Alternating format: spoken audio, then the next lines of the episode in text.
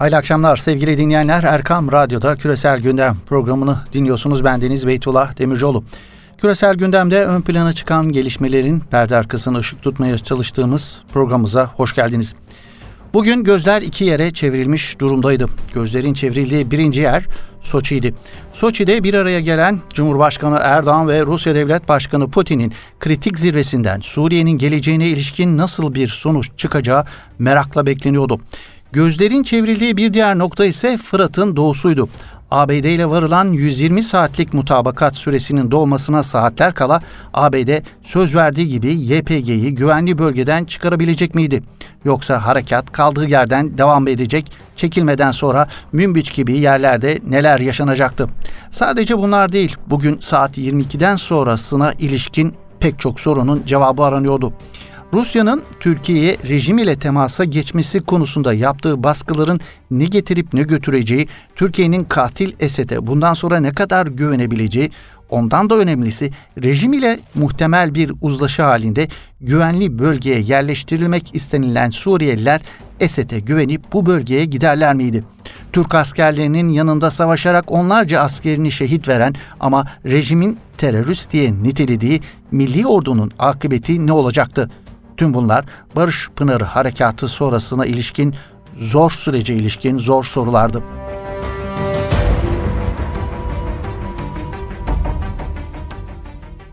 Evet 120 saatlik sürenin dolmasına saatler kala Ankara YPG'nin Suriye'nin kuzeyinde oluşturulması öngörülen 21 yani 32 kilometrelik bir alanda tesis edilecek olan güvenli bölgenin gerisine tamamen çekilmemesi durumunda öngörülen mühletin ardından operasyonun başlayacağını çok net ifadelerle dillendiriyor Türkiye. Bugün de Cumhurbaşkanı Erdoğan Soçi'ye hareketinden önce sözler tutulmazsa harekata kaldığımız yerden çok daha kararlılıkla devam edeceğiz açıklamasında bulundu.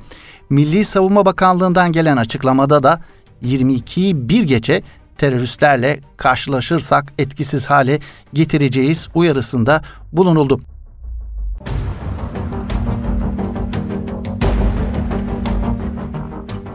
Biz programımıza girdiğimiz dakikalarda Soçi zirvesi sona ermiş iki liderin basın toplantısı için bekleniliyordu sevgili dinleyenler. Muhtemelen şu saatlerde bu basın toplantısı gerçekleştiriliyor olacaktır. Hatta Suriye'nin geleceğine ilişkin pek çok sorunun cevabı da netleşmiş olacaktır kuvvetle muhtemel bir biçimde. Dilerseniz dünyanın gözlerinin çevrildiği Soçi'de Erdoğan-Putin görüşmesi öncesi Barış Pınarı harekatına ilişkin Batı dünyasından gelen yansımalara bakalım biz. Barış Pınarı Harekatı'nın uluslararası yansımaları sürüyor. Fransa Cumhurbaşkanı Macron'dan Rojava'da ateşkes uzatılsın çağrısı gelirken Almanya ise Suriye'de uluslararası güvenli bölge önerisinde bulundu. Türkiye'nin Suriye'nin kuzeyine düzenlediği Barış Pınarı harekatına karşı çıkan ve büyük tepki veren Avrupa ülkeleri liderlerinin başında gelen Fransa Cumhurbaşkanı Macron, Rusya Devlet Başkanı Putin'den ateşkes kararının uzatılmasını talep etti. Cumhurbaşkanı Erdoğan ise Soçi'ye gitmeden önce Fransa liderinin teröristlerle oturup kalktığını, bu talebinde muhtemelen teröristlerden gelmiştir açıklaması dikkat çekiciydi. Almanya Hristiyan Demokrat Partisi Genel Başkanı ve Savunma Bakanı Suriye'nin kuzeyinde uluslararası kontrol edilen güvenli bölge oluşturulmasını önerdiklerini belirtti.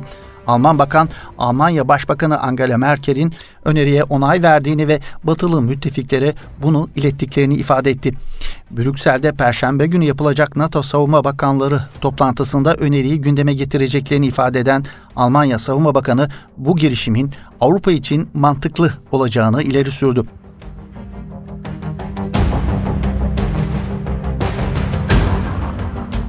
Batı medyasının çok geniş bir bölümünde Türkiye karşıtlığı konusunda bir ittifakın, bir ağız birliğinin olduğunu söylemek mümkün.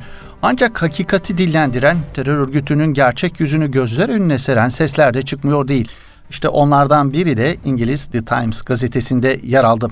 Yazar Sarator, YPG-SDG'nin Türkiye'deki terör örgütü PKK'nın bir uzantısı olduğunu, amaçlarına ulaşmak için teröre başvurduklarını yazdı.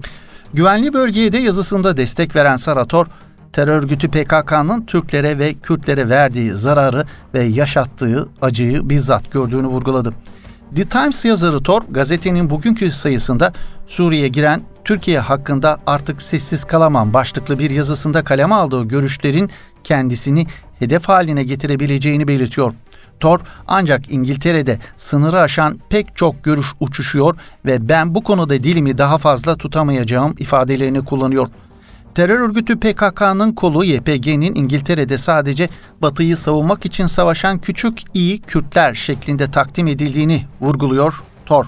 Bunlar toprak için, bir Kürdistan için savaşıyorlar ve bunun için önlerine çıkan her şeyden kurtuluyorlar yorumunda bulunuyor. Bu duruma Türkiye'nin tarafından bakmak gerektiğinin altını çiziyor Thor.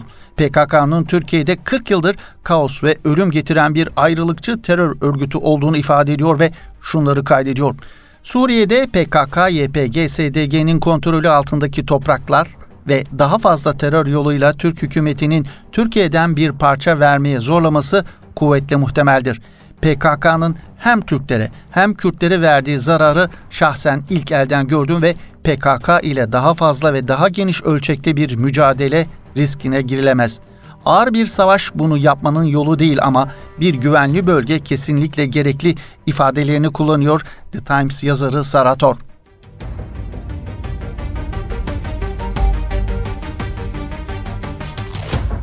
Bu arada Soçi zirvesi öncesi Kremlin'den dikkat çeken bir Suriye açıklaması geldi. Kremlin sözcüsü Dimitri Peskov, Türk güçlerinin Suriye'de kalmasına sadece bu ülkenin meşru hükümetinin izin verebileceğini, bunu Rusya'nın yapamayacağını söylemesi dikkat çekiciydi.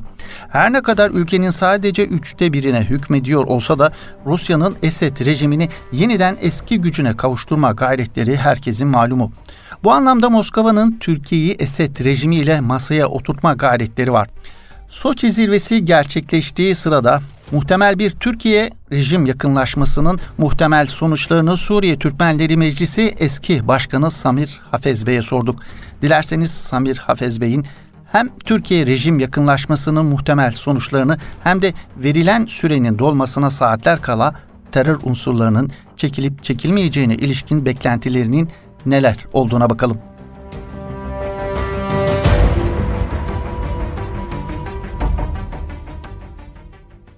Samir Bey hoş geldiniz programımıza. Hoş bulduk, hoş bulduk. İyi ee, yayınlar diliyorum. Şimdiden teşekkürlerimizi sunuyoruz yapacağınız katkılarından dolayı.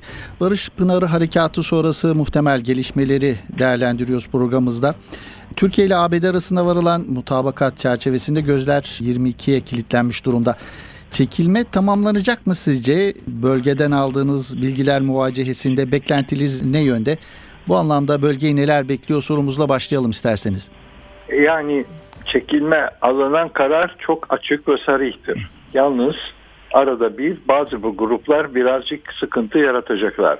Evet. O da Amerikalılar bence biraz göz yumacaklar çünkü Amerika'da bakarsanız çok baskı var Trump'ın üzerinde. O zaman onun için Trump bu işi kolay onlara bıraktır e, bıraktırmayacak. Yani birazcık sıkıntı yaratacaklar ki hani Amerikan kamuoyuna biz destek verdik de bunu yapacaklar. Öyle bir tahmin ediyorum. Çünkü silahların o sofistike verilen silahların bir kısmı onların eline geçerse birazcık değilse bile bir e, sıkıntı yaratabilirler. Bu iş öyle kolay geçeceğini sanmıyorum ama e, tabii e, Türk ordusu ve Suriye Milli Ordusu güç bizde. Onları bir bir şey teşekkül etmezler ama hı hı. her zaman hafif olsa bile az olsa bile sıkıntı bekliyorum askeri evet. olarak. Ama çekilme olarak hı hı. çekilecekler. Bunun e, eninde sonunda bu olacak. Evet. Münbic ise hı hı. Münbic halkı bakın 2012'de Münbic halkı Suriye rejimi kovdu açıkçası yendi kendi halkı. Şimdi kendi halkı benim bana geldi bilgileri silahımızı sarılırız şu şeyi Suriye rejimini PKK'yı PYD kim varsa biz Türkler başımızın üstünde ama biz e, rejim kalırsa evet. veya PKK biz bunları tek tek ev ev karşı geleceğiz ve herkesin evinde silahı var. Hı hı. Silahımıza sarılacağız diye o da var öyle. Ben bir durumu bu. Menbiç'te ağırlıklı olarak Arap aşiretler mi var yoksa diğer etnik gruplardan da Şimdi hiçbir yerde yüzde yüz olmaz hı hı. ama ağırlıklı tabii aşiret, Arap aşiretleri. Hı hı. Ama Türkmen de var. Evet. Çok az miktarda eskiden Kürt kardeşlerimizden vardı. Hı hı. Ama esası Arap bölgesi. Evet. Şimdi bu terör... Aslında eğer hı. Münbiç e, e, Süryani bir şehir. Hı hı. Tarihte adı Nabijo. Evet. Yani Münbiç değil Nabijo ama sonra Fransızlar zamanında yavaş yavaş değişti ve de yani onun için kimse burada benim diye iddia etmezsin. Ee, Süryani dediğimiz yerler demek ki Arap bölgesidir. Evet. Bu demek. Samir Bey şimdi gözler Soçi'deki zirveye kilitlenmiş durumda. Zirveden Suriye'nin geleceğine ilişkin çıkacak sonuçlar merakla bekleniyor. Bu anlamda Rusya'nın Suriye'yi tekrardan e, eski Suriye'ye dönüştürme gibi bir gayreti var. E, yine bu anlamda Rusya'nın Türkiye'yi rejim ile masaya oturtma konusunda bir baskısı var. Öncelikle Türkiye'nin rejimiyle masaya oturma ihtimalini nasıl görüyorsunuz? Buna muhaliflerin yaklaşımı nasıl olur? Türkiye'nin rejim ile muhtemel bir yakınlaşmasının riskleri nelerdir sizce? Şimdi ben şöyle bir şekilde alalım, tersten alalım. Diyelim ki rejimle oturduk. Rejimin elinde ne var? Onu merak ediyorum. Rejim askeri bir şekilde konuşacaksa iki, iki desteği var. Birisi Ruslar, öbürü de İranlılar. Evet. Ekonomi Doğruluğunda zaten rejim iflas etmiş. Geçen gün Merkez Bankası'nda kuruş kalmamış. İş adamlar 150 iş adamını hapse atarım veya tutuklarım eğer siz kendi şeylerinizi getirmezseniz mallı yani dövizlerinizi yurt dışından getireceksiniz buraya. Bunun evet. onlarla biz konuşacaksak ne konuşacağız? Ellerinde bir şey yok ki konuşalım. Onlar bizi eğer zorluyorlarsa rejimle konuşmamızda rejime birazcık oksijen vermek isterler. Hı hı. Yoksa rejimin elinde bir güç yok ki konuşalım. Evet konuşacaksak buyurun. Şimdiye kadar kaç seneden beri Dışişleri Bakanı Suriye'nin güya Dışişleri Bakanı ağzı açtı mı bu şimdiye kadar hı hı. iki sene içinde? Evet. Görüşmeler kim yapıyor? Rusya'da. Hı hı. E biz de Ruslarla görüşüyoruz. Ne gerek var ki rejimle konuşmamız? Evet. Şimdi yani rejimin bir gücü o kalmadı ki. Peki e, e, Barış Pınar Harekatı'nın en önemli gerekçelerinden bir tanesi Türkiye'de yaşayan mültecilerin yurtlarına dönmesiydi. Türkiye ile rejim arasında bir şekilde uzlaşı olursa Suriyeli mültecilerin ülkelerine e, dönüşünü nasıl etkiler bu? Bakınız Betullah Bey şunu söyleyeyim. Suriyeliler rejimin bulunduğu yere dönmek gibi bir hiç düşünceleri yok. Belki bir 10 kişi 20 kişi dönmüş de geçen gün bir araştırma sonucunda hepsi korkuyla yaşıyorlar. Hepsi pişman. Hepsi de neler yapıldı. Bazıları da ifaz edildi. Bazıları da boyuna e, sorguya çekiliyor.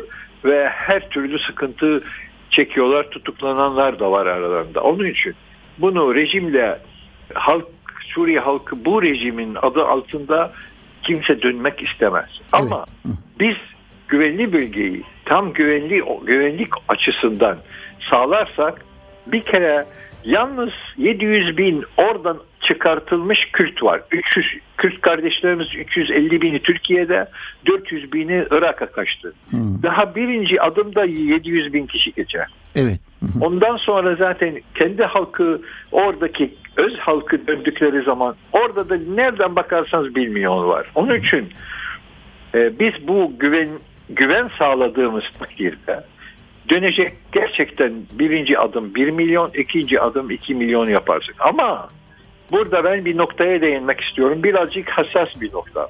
Evet. Bunu bilmem, söylemem gerekiyor eğer konuş. Buyurun lütfen. Suriye'de o bölgede e, Kamışlı'nın orada Rumeylan diye bir yer var. Rumeylan Suriye'nin en büyük, en güç, en büyük e, petrol yatakları. Hı hı. Amerika oradan çekilmesi lazım. Çünkü bu Suriye'nin halkı. Hı hı. Biz eğer Suriye'nin kuzeyini bir şekilde Suriyelileri geri döndürürsek onlara kaynak gerekir. O kaynak hem tarımdan hem elektrik sudan orada hem de petrolden faydalanmaları lazım. Bizim her şey biz bu yükü altından kalkmamız doğru değil. Evet Sayın Cumhurbaşkanımız dedi bu dünya çapında Birleşmiş Milletler'in nezaretinde bir şey çıkacak. Bir destek olacak ki dönsünler ama bunun yanı sıra oranın öz kaynakları oraya dönenlerin hakkıdır. Ne Amerika olacak kalacak ne de PKK ne PYD. Romeylan'dan çekilecekler ve burası Suriye'nin kuzeyindeki o dönen halkın kaynağı olacak. Hı hı. Onun üzerinde pek durulmadı ama ben önemli duruyorum. Evet. Şimdi bugün Cumhurbaşkanı Erdoğan Soçi'ye gitmeden önce Türkiye'nin Barış Pınarı harekatını içine sindiremeyen bazı İranlı yetkilileri kınadı. İran'dan bazı çatlak sesler geliyor dedi. Barış Pınarı sonrası İran'ın yönetiminin tavrı nasıl olur sizce? Ee, özellikle şimdi bu PYD, PKK unsurlarının çekildiği yer güney. Güneydeki yerlere İranlı milislerin bir müdahalesi olur mu? İran milisler müdahalesi olmasını beklemiyorum. Hı. Çünkü İran içindekinin tamamını çıkartmıyor. Ama İran'ın içindeki hiç Türkiye'nin orada bir eli güçlenmesini istemiyorlar. Çünkü onlar o bölgeyi kendileri için istiyorlar. Her ne kadar Rusya veyahut İran biz Esed için diyorlarsa bunu kesin bilin ki kendileri için. Çünkü herkes kendi payını orada almak istiyor ve orada güçlenmek istiyor. İran'ın oradan e, arazi kaybetmek istemiyor. Esed'i önüne koyuyor ama Esed'le alakası yok. İran'ın gücünü arttırmak için. Keza herkes orada. Amerikalılar dahil. Onun için biz bu ilk günden söyledim e, operasyonumuz o formülü bozdu. Evet. Ama o formülü bozmak bunu bütün projelerini engel oldu. Ama yüzde yüz mü? Hayır. Ama Hı-hı. bozdu. Şimdi yeniden yapılanacaklar. Onun için ağızlarından çıkan de, ne de, de yani ne diyorlarsa bu gerçekten içlerinde ama herkes bunu söylemiyor. İran'ın orada yer kaybetmek istemiyor. Bilakis İran Suriye girişi kendisi için. Yani ne Suriye'nin kara gözü için ne de Şiilik peşinde. Orada tamamen kendilerinin gücünü arttırmak peşinde. İran gerçi şimdi o kadar güçlü bir durumda değil. Konuşacak halde değil.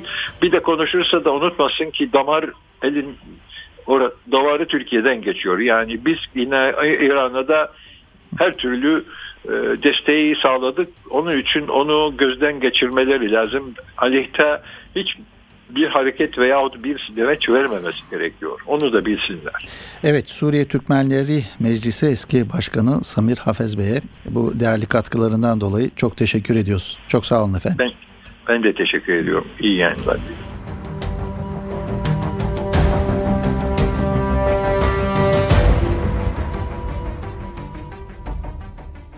Türkiye'nin Suriye'de dengeleri değiştiren Barış Pınarı Harekatı sonrası bölgeyi nelerin beklediği sorusunun cevabı siyasi analizlerde de aranıyor sevgili dinleyenler. Türkiye ile ABD'nin Suriye'nin kuzeyinde güvenli bölge konusunda uzlaşmasının ardından Rusya'nın yaklaşımının ne olacağı merak ediliyordu. Barış Pınarı Harekatı sonrası Moskova'nın dengeli reaksiyon verdiği, temkinli ama Türkiye'yi karşısına alacak mesajlar vermekten çekindi. Yine Rusya'nın Türkiye'yi kaybetme gibi bir lüksünün olmadığı yönündeki görüşlere sıklıkla rastladık. Ancak Rusya'nın bir takım endişelerinin olduğu da vurgulanıyor analizlerde. Kafkaslar, Orta Asya ve genel anlamda Rusya'nın hinterlandındaki gelişmeleri yakından takip eden gazetecilerden Sevil Nuriyeva İsmailov bugünkü Star gazetesinde Rusya'nın endişelerine ilişkin dikkat çeken tespitlerde bulunuyor. Nuriyeva, Rusya'nın Türkiye'nin Suriye'den çıkmayacağından endişeli olduğunu söylüyor. Rusya'nın bu endişelerinin nedenini de şöyle açıklıyor. Türkiye Elbab'a girdikten sonra oralara su getirdi prefabrik fırınlar kurdu, yerel unsurlardan polis grupları oluşturdu ve hastane gibi kalıcı işler yaptı. Bunca yatırımı ancak girdikten sonra çıkmayacaklar yapar analizinin Rusya'da hakim olduğunu söylüyor Nuriyeva. Kimseye anlatamadığım püf noktası da işte burası diyor kendi ifadeleriyle paylaşalım bundan sonrasını. Türkiye'nin insan odaklı siyaset inşasını anlamak ne Batı'nın ne Rusya'nın ne Çin'in ne de İran'ın anlayabildiği durumdaydır. Neden mi? Türkiye'nin genetik kodları İslam'la yorulmuş. Türkiye Hazreti Peygamber'in yolundan gitmek isteyen bir anlayışa sahip. İçeriği, merhamet ve insani yaşat felsefesiyle donatıldığı için onlar anlayamıyor. Biz kendimizi anlatamıyoruz diyoruz ya esasında burada haksızlık ediyoruz kendimize. Bizi anlamaları için insanlığın yaratılış felsefesini anlamaları ve bizim bu yola hizmetkar olmayı nasıl şeref bellediğimizi okumaları lazım. Nuriyeva PKK-YPG terör örgütlerini Kürtlerle eşleştirme gayretlerinin Türkler Kürtleri ortadan kaldırıyor kara propagandasının tıpkı Batı medyasında olduğu gibi Rus medyası tarafından da yürütüldüğünün altını çiziyor. Bunun sebebini de Moskova'nın derin kanallarına hakim olan İsrail Siyonist lobisine bağlıyor. Nuriyeva'nın Rusya'nın endişeleri başlıklı makalesinde dikkat çektiği bir başka husus ise Rusya'da hızla artan Müslüman nüfusu. Doğurganlığın Müslümanların lehinde olduğu Rusya'da orta ve uzun vadede Müslüman kimliğin Rusya'nın dış politikasını belirlemede etkili bir faktör olacağını vurguluyor. Nurayeva, Rusya Müslümanlarının Erdoğan'a duyduğu sempati ve hayranlığı bizzat gözlemlediğini, Kafkasya ve Tataristan kökenli Rusya vatandaşları için rol model biri varsa bu kişinin Erdoğan olduğunu bunu görmek için yalın gözle analiz yapmak yeterli olduğunu belirtiyor.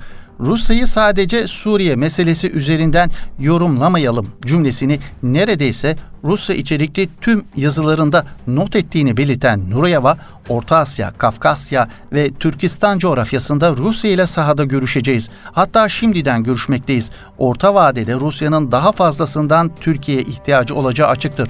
Şimdiden dile getiren yok ama Rusya gelecekteki Çin'den rahatsız. Rusya'nın toprakları çok, lakin ahalisi bu topraklarda yaşaması gerekenden çok az. Demografik olarak Çin orta ve uzun vadede sorun olarak karşılarına çıkacaktır. Orta Asya hattının kimin kontrolünde olacağı hayati anlam taşımakta. İşte Türkiye ve onun doğal liderliği İslam dünyasının bir parçası olan Türk hattı üzerinde de ciddi etki sebebidir ve Erdoğan en önemli simge. Bu endişeleri Erdoğan ve onun iş yapma uslubu ile çözersek sanırım başarılı bir yola daha girmiş olacağız. Değerlendirmesinde bulunuyor Rusya ve Orta Asya'daki gelişmeleri yakından takip eden gazeteci Sevil Nureyeva İsmailov.